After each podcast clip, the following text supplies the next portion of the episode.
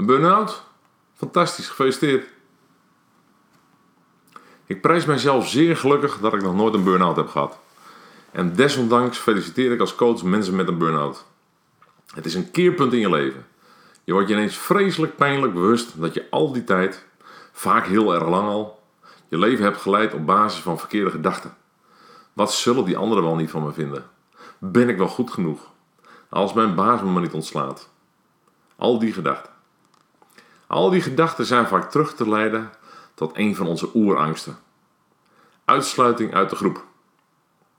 En uitsluiting betekent geïsoleerd komen te staan en eenzaamheid. Een van de eerste primitieve instincten, zodra je geboren wordt, is dat je in een kudde moet blijven. En als je buiten die kudde valt, val je ten prooi aan de roofdieren en ben je gedoemd te sterven. Dit hele oude oerinstinct zit sterk ingebakken in ons wezen. We zijn als mens tenslotte ooit primitieve zoogdieren geweest. We leren dus als kind snel gedrag vertonen waarmee we geaccepteerd en gewaardeerd worden. Als we dat gedrag van dan vertonen, krijgen we waardering van de mensen om ons heen. Van onze ouders, vrienden, je partner, je baas. We voelen ons dan gelukkig omdat we dan weten dat we niet uitgesloten worden. En zijn daarmee afhankelijk geworden van de waardering van anderen om ons gelukkig te kunnen voelen. In feite vertonen we dan alleen maar gedrag dat gewaardeerd en geaccepteerd wordt door onze omgeving. We zijn dus eigenlijk continu gedrag aan het laten zien dat niet per definitie ons eigen focusgedrag is. We leven het leven waarvan wij denken dat het een goed leven is.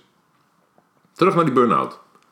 Als je lang genoeg gedrag vertoont op basis van denkbeelden waarvan jij denkt dat het goed gedrag is, en het is niet jouw eigen focusgedrag, loop je langzaam maar zeker volledig leeg. Zie het maar als een accu die langzaam leeg loopt als je lampen van de auto laat branden. En zodra de accu van de mens leeg is, is hij ook echt leeg. Je lichaam reageert hierop door in de noodtoestand te springen. Jouw neocortex, waarin je wil ook zit, wordt uitgeschakeld en overgenomen door jouw limbische brein. Dit brein zorgt ervoor dat de lichaamsfuncties door blijven gaan. Denk aan je hartslag, de ademhaling, bloeddruk, hormonen, etc. Je komt dan in de vegetatieve toestand terecht. Dat gebeurt niet voor niks. Je lichaam is uitgeput en uitgewoond en moet gewoon herstellen. Volledig herstellen kan een lastig en langdurig proces zijn, soms wel een jaar of langer. De verbindingen tussen de linker en de rechter hersenhelft zijn ruw verbroken, waardoor de communicatie tussen de twee hersenhelften is gestopt. Dingen bedenken en uitvoering is daardoor nagenoeg onmogelijk. Dit is ook de reden dat mensen volledig uitgeblust en langdurig op de bank kunnen zitten en apathisch voor zich uitkijken. Training om de communicatie tussen de twee hersenhelften te herstellen is daarom van essentieel belang.